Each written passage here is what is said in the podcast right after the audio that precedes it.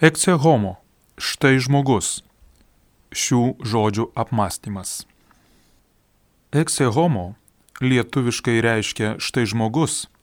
Tai lotiniški žodžiai ištarti Poncijaus piloto Romos prokuratoriaus judėjoje, kuriais jis, pasak Evangelijos pagal Joną, antrą kartą po Jėzaus nuplakimo ir patyčių kreipėsi į priešiškai nusiteikusią minę. Šiuos žodžius randame Evangelijoje pagal Joną 19 skyriuje 5 eilutėje. Tie žodžiai primena Jėzaus trapumą, pažeidžiamumą.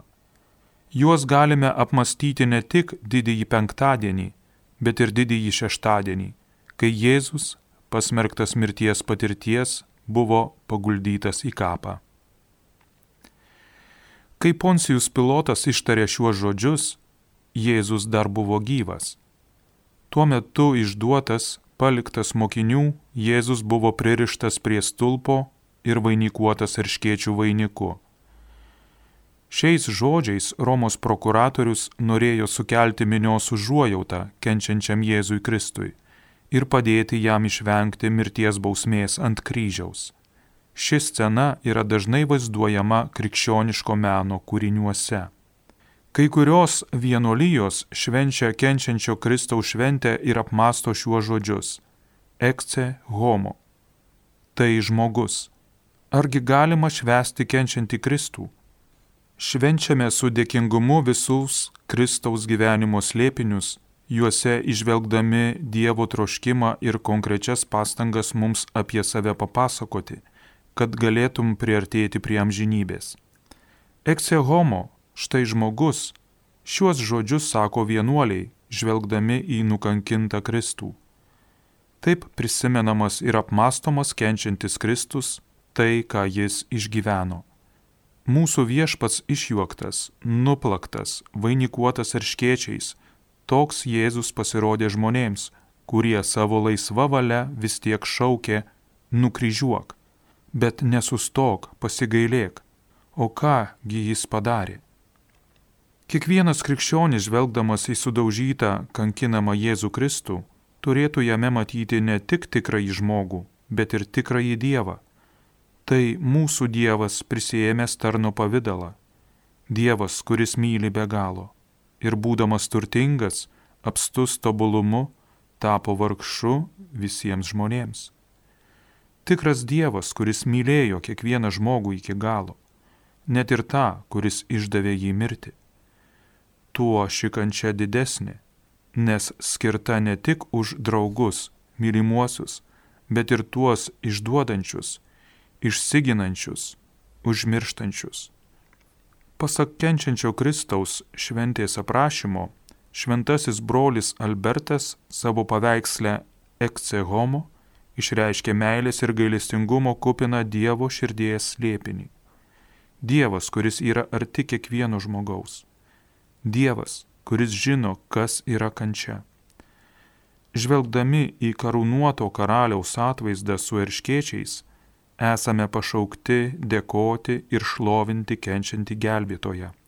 Taip pat atpažįstame brolio Alberto žinę kiekviename žmoguje, net labiausiai pažemintame ir kenčiančiame nuo nuodėmės, įžeista Dievo sūnaus veidą.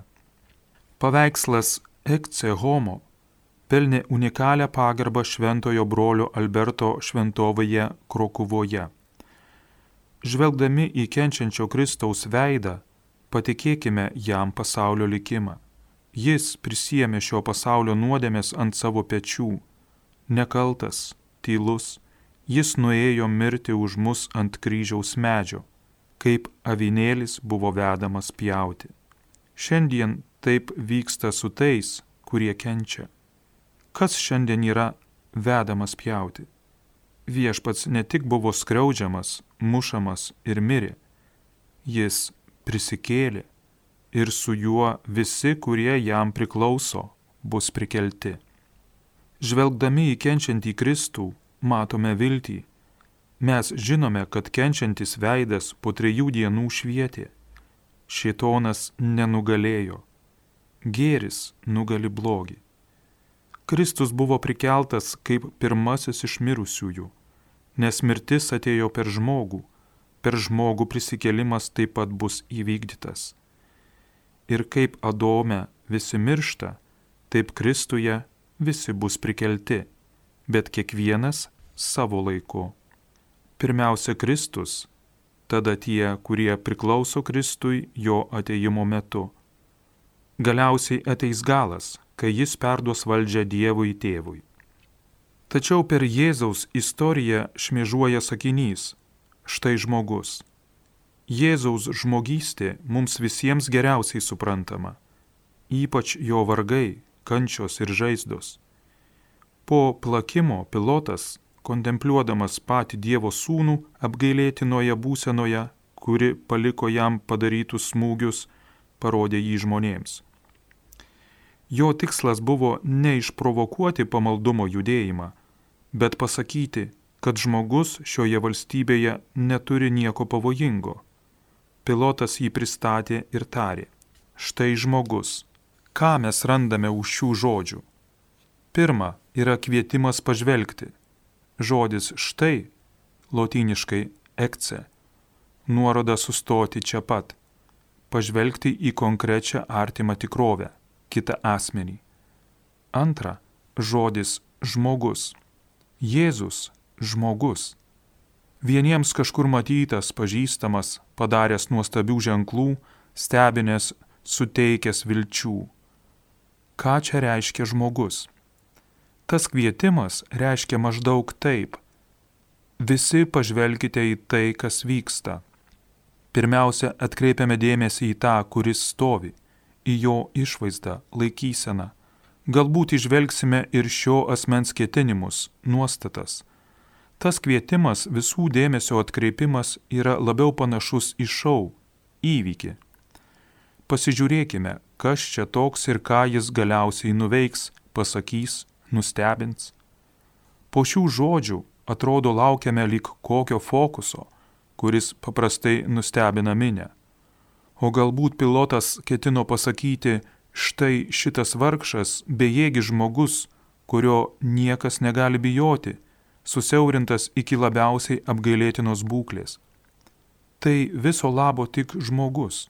Tada minė gali atsiliepti kitaip, nei jis tikėjosi gal puls prieštarauti, kažką įrodinėti.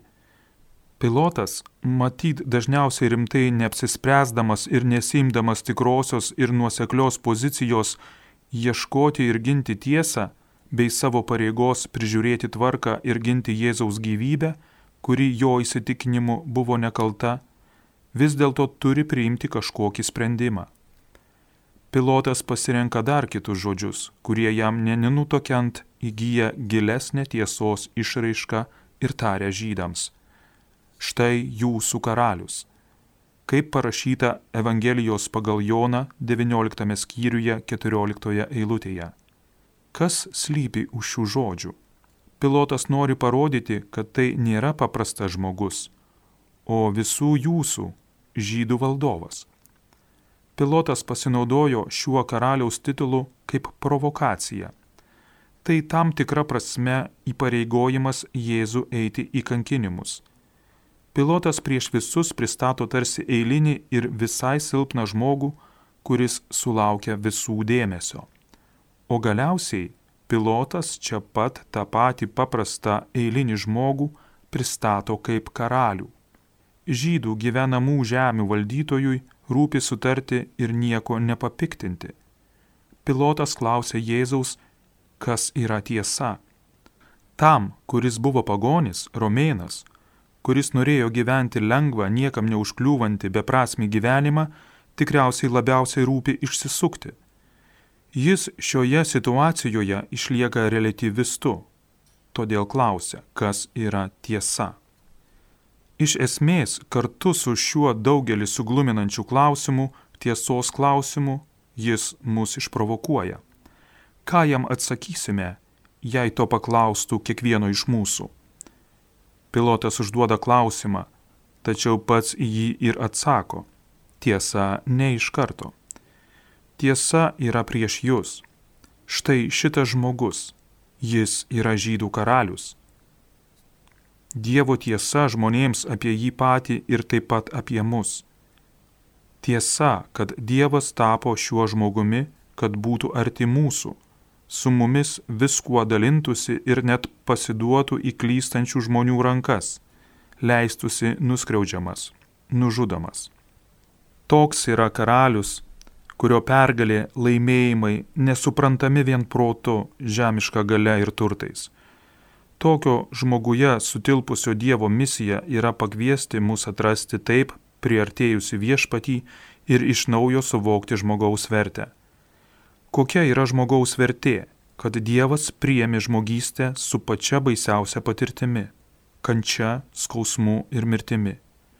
Štai žmogus, ekce homo. Ką mes suprantame apie Dievą ir žmogų iš Jėzaus istorijos? ar mums skaitant apie Jėzaus žmogiškumą paaiškėjo, kokia yra didi visų žmonių vertė? Tai laikas, kai gelbėtojas neša erškiečių vainiką ir violetinį drabužį.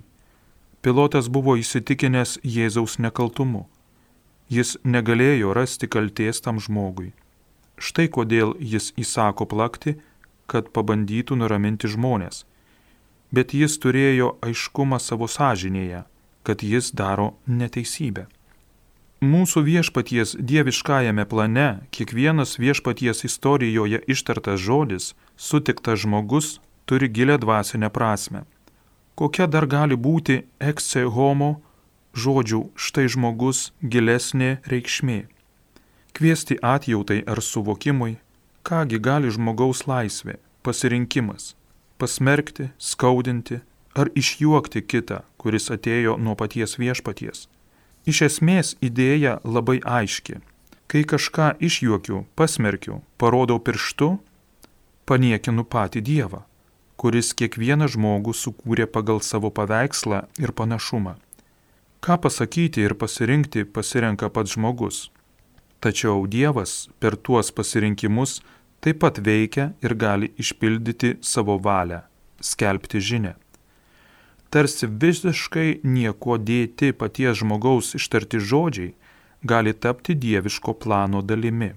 Nes Dievo išmintis panaudoja net pačius absurdiškiausius, klaidingus mūsų pasirinkimus, ištartus žodžius ar veiksmus.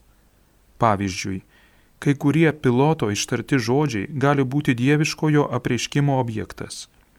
Dar tiksliau, pavyzdžiui, garsioji vyriausiojo kunigo Kajafo pranašystė. Verčiau tegu vienas žmogus numiršta už tautą. Išreiškia visą Jėzaus misijos esmę, gilę teologijos tiesą. Nors buvo pasakyta vien tik ta, kad būtų galima išgelbėti žmonės nuo galimo pavojaus, kuris nevatykojo iš romėnų. Jono 11 skyriuje skaitome. Tais metais, kaip vyriausiasis kunigas, jis išpranašavo, kad Jėzus mirs už tautą. Kajafas netyčia tapo pranašu, pasakė tai, kas tapo Jėzaus dieviškos misijos apibūdinimu. Terminas čia štai žmogus vis dar yra visiškai natūrali kalbos išraiška, vis dėlto turi ne tik piloto suteiktą reikšmę. Galime manyti, kad šios išraiškos yra dieviškojo plano išsipildymas Lygiai taip ir dieviškosios intencijos aukštesnę prasme pabrėžia ankstesnis Jėzaus dialogas su pilotu. Romos prokuratorius pilotas paklausė Jėzaus, ar tu karalius? Jėzus užuot atsakęs tiesiai šviesiai, tiesiog pakartojo jo klausimą. Jis atsakė, tu tai sakai, aš esu karalius. Bet viešpats neišsisukinėja, kaip gali atrodyti. Jis skatina mąstymą ir širdies atsivėrimą, svarstymą, o kas Jėzus yra iš tiesų. Ieškok, pats svarstyk, lik būtų tavęs paties kiti paklausę. Jis iš tiesų yra karalius. Jūs tuo abejojate. Atkreipkite dėmesį į jo viešpaties Jėzaus padarytą patikslinimą. Mano karalystė nėra iš šio pasaulio. Taigi aišku, kad jis yra karalius. Pilotas žino, kad Jėzus nėra žemiškasis karalius, bet klausia. Šis klausimas yra skirtas viešpačiui, kad Jėzus galėtų padaryti apreiškimą. Ne tik tiesiai šviesiai paaiškintų, kas jis esas, bet padėtų patiems tos išvados prieiti. Galima daryti prielaidą, kad čia pateikiamas naujas žmogaus modelis dieviškajame išganimo darbe. Modelis yra visiškai netikėtas.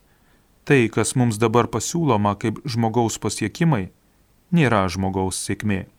Dievui svarbu atskleisti, kad žmogus yra pažemintas, išjuoktas, ištiktas žemiškos nesėkmės, kančios, nėra tas žmogus, kuris pralaimėjo. Tai žmogus susiaurintas iki apgailėtinos būsenos, tik šio pasaulio akimis. Dievo žvilgsnis kitoks. Dievo palaiminto žmogaus kaip jo vaiko sėkmė - ištikimybė Dievo planui, klusnumas ir nuolankumas, kurie vėliau duoda nuostabių vaisių. Senajame testamente teisėjai pasirodo kaip sėkmingi žmonės.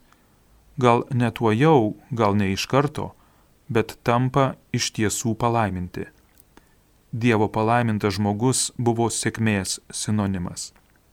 Pilotas po pokalbio su Jėzumi visiems sakė, kad šiame žmoguje jis nerado jokios kalties. Tai ne tik jo supratimas, bet ir teologinės tiesos kelbimas, jam to nė nenutokiant. Jėzus iš tiesų, kaip Dievas ir žmogus, neturi jokios nuodėmės. Nors pilotas nerado kalties, bet vis tiek Jėzų nužudė. Tad Dievas ir žmogus, paženklintas neteisybės, žmogiškos sėkmės tokos, tai žmogus, kuris pasiekė pergalę, kai to niekas nesitikėjo. Apie patirtą neteisybę Jėzus savo kūne nešė kančios ženklus ir žaizdas nuo plakimų virtimų ir kitokio patirto smurto.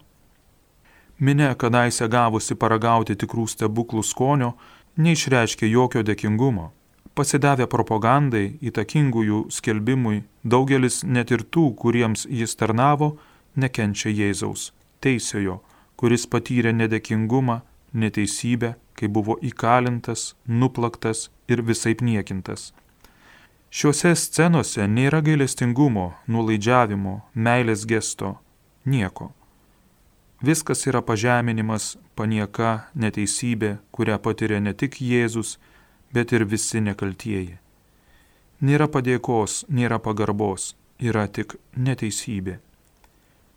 Jėzus atrodo neturintis to, ko mes reikalaujame ir laikome savo asmeninėmis teisėmis. Dieviškuosiuose planuose suvokiama, kad šis piloto teiginys, štai žmogus, atskleistų naują žmonijos modelį. Kuriejas savo planuose turi šiuos piloto žodžius, nes juos girdėdami tiesiog esame kviečiami susimastyti, koks žmogus yra Jėzus. Iš Jėzaus ir jo kaltintojų dialogų tikėjimo žmogui gali būti aišku. Jėzus yra Dievas ir žmogus. Po daugelio šimtmečių nuo Kristaus mirties ir prisikelimo įvykio Halkedono susirinkimas paskelbė tikrasis Dievas ir tikras žmogus viename dieviškame asmenyje - Jėzuje Kristuje. Priešininkai kaltina Jėzų piloto akivaizdoje, nes jis norėjo pasiskelbti karaliumi. Jei jo nesmerki, nesi ciesoriaus draugas. Jie apsimeta taip, lik Jėzus būtų pavojingas valdovo varžovas. Šis absurdiškas manevras kažkaip vadovavosi Dievo apsireiškimo gale. Jėzus sako, mano karalystė ne iš šio pasaulio. Norėdamas įkurti savo karalystę, Jėzus ateina kurti naujos rušies visuomenės. Visuomenė, kuri priema Dievą, kuri priema karalystę ir kuriai lemta vystytis per santyki su tiesa. Šia prasme yra nauja visuomenės rūšis - tiesos visuomenė. Ši visuomenė atitinka naujo tipo žmogų, autentišką žmogų. Pilotas tiesiog išoriškai atkreipė dėmesį į Jėzaus žmogiškąją situaciją, bet to nenorėdamas, sakydamas štai žmogus, jis parodė Jėzų kaip žmonijos pavyzdį. Šiandieninėje žmonijoje yra daug situacijų, kurios sukelia panieką ir pasiekia nuostabę vertę. Pakaktų pamatyti akivaizdžią šventųjų gyvenimų žmogiškąją nesėkmę. Šventumo revoliucija kyla ne iš pasaulio didžiųjų. Pasaulyje yra nedaug didžiūnų, kurie ką nors daro dėl pasaulio. Tikrasis šventumas yra nesiekti asmeninio pasitenkinimo ir pergalės žemiškoms gerybėms, bet nukreipti žvilgsnį į amžinybę ir tarnauti Dievui. Tačiau negalime pamiršti, kad gyvename žemėje ir kad būtent mūsų žemiškasis gyvenimas nulems mūsų amžinybę. Taigi amžinosios šlovės ieškojimas yra žengti žingsnius tuštumoje, keliauti lik apgraibomis kai kiti laiko keistuoliais, kad neieškome naudos vien čia, o savo gyvenimą matuojame pagal Dievo logiką. Kita vertus, kovoti, stengtis, skleisti Dievo šlovę reiškia žengti tikrus žingsnius, pasirenkant konkrečiai mylėti, atpažįstant Dievo ženklus šioje kelionėje.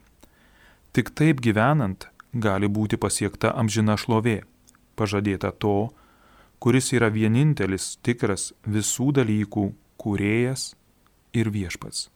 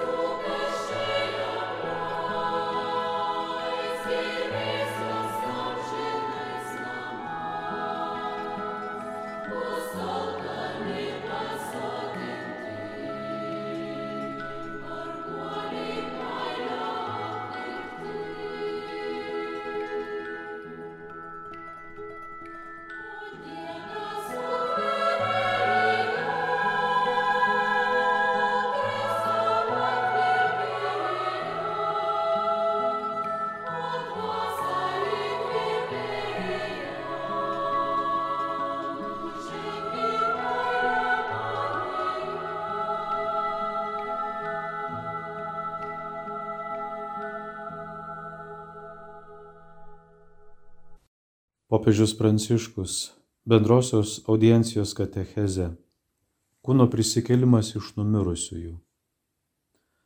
Šioje katechezėje norėčiau apmastyti kūno prisikėlimo temą, siekdamas apimti katalikų bažnyčios katekizme pateikiamus du jos aspektus - mūsų mirtį ir prisikėlimą Jėzuje Kristuje. Šiandien aptarsiu pirmą aspektą mirti Kristuje. Pirma. Tarp mūsų bendrai paplitęs klaidingas požiūris į mirtį. Mirtis ištinka mus visus, jie kelia mums rimtus klausimus, ypač kai paliečia mus iš arti, pasiglemžia mažuosius, negalinčius apsiginti ir mums tai atrodo skandalinga. Mane visada sukrėsdavo klausimas, Kodėl vaikai kenčia? Kodėl vaikai miršta? Jei į mirtį žvelgiame kaip į visko pabaigą, ji mus gazdina, kelia mums siaubą, tampa grėsme, greunančia visas svajonės, visas perspektyvas, Jis suardo visus ryšius ir nutraukia kelionę.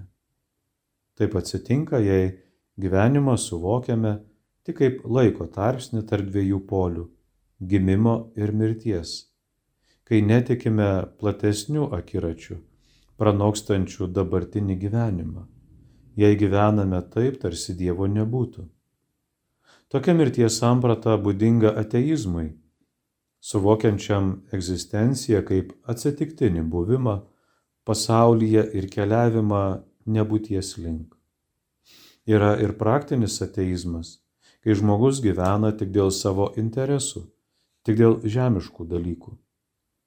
Jei leidžiamės užvaldomi tokios klaidingos mirties sampratos, mums nelieka nieko kito, kaip nuslėpti mirtį, ją neikti ar banalizuoti, kad ji mūsų negazdintų.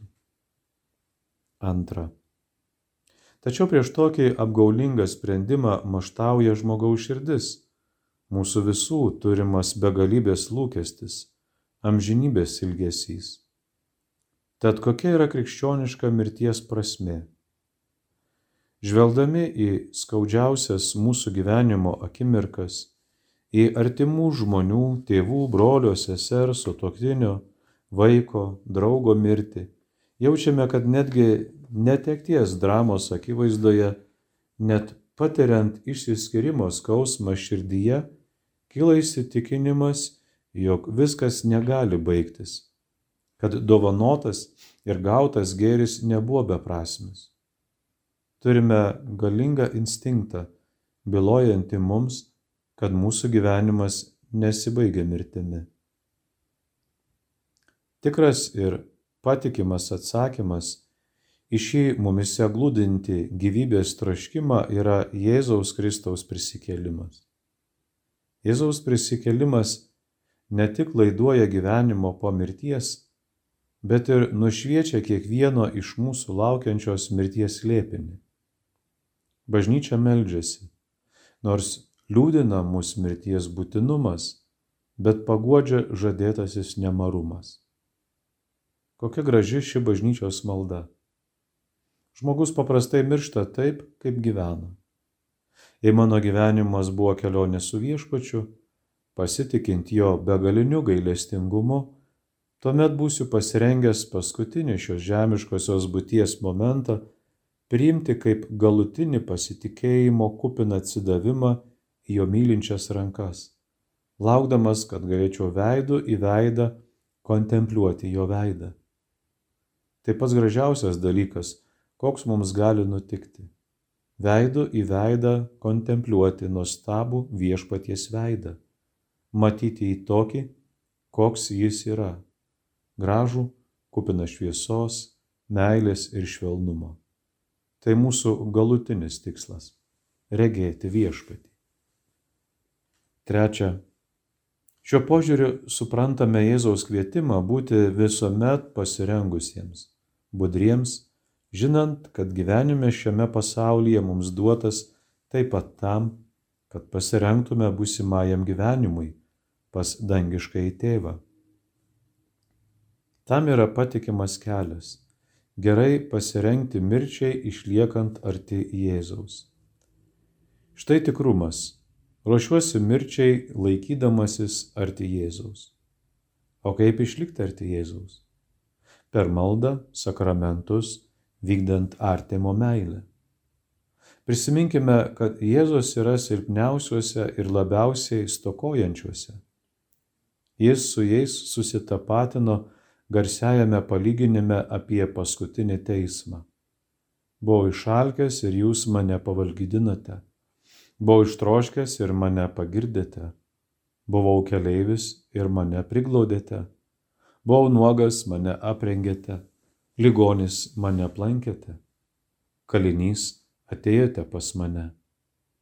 Kiek kartų tai padarėte vienam iš šitų mažiausiųjų mano brolių, man padarėte. Mato Evangelijos 25 skyrius nuo 35 iki 36 eilutės ir 40 eilutė. Patikimas kelias yra iš naujo atrasti krikščioniškos meilės ir broliško dalymosi prasme, rūpintis savo artimo kūno ir dvasio žaizdomis. Solidarumas dalyjantis kančia ir teikiant viltį yra prielaida ir sąlyga laiduojanti mums parengtos karalystės paveldą. Kas vykdo gailestingumą, nebijo mirties. Ar sutinkate? Gerai pagalvokite, kas vykdo gailestingumą, nebijo mirties. O kodėl nebijo mirties? Nes jis žvelgia mirčiai į akis savo brolio žaizdose ir ją įveikia Jėzaus Kristaus meilė. Jei atversime savo gyvenimo ir širdies vartus mažiausiems mūsų broliams, mūsų mirtis taip pat taps vartais į dangų, į palaimintąją tėvynę, į kurią keliaujame trokšdami joje amžinai gyventi su Dievu, mūsų tėvu, su Jėzumi, su mergelė Marija ir šventaisiais.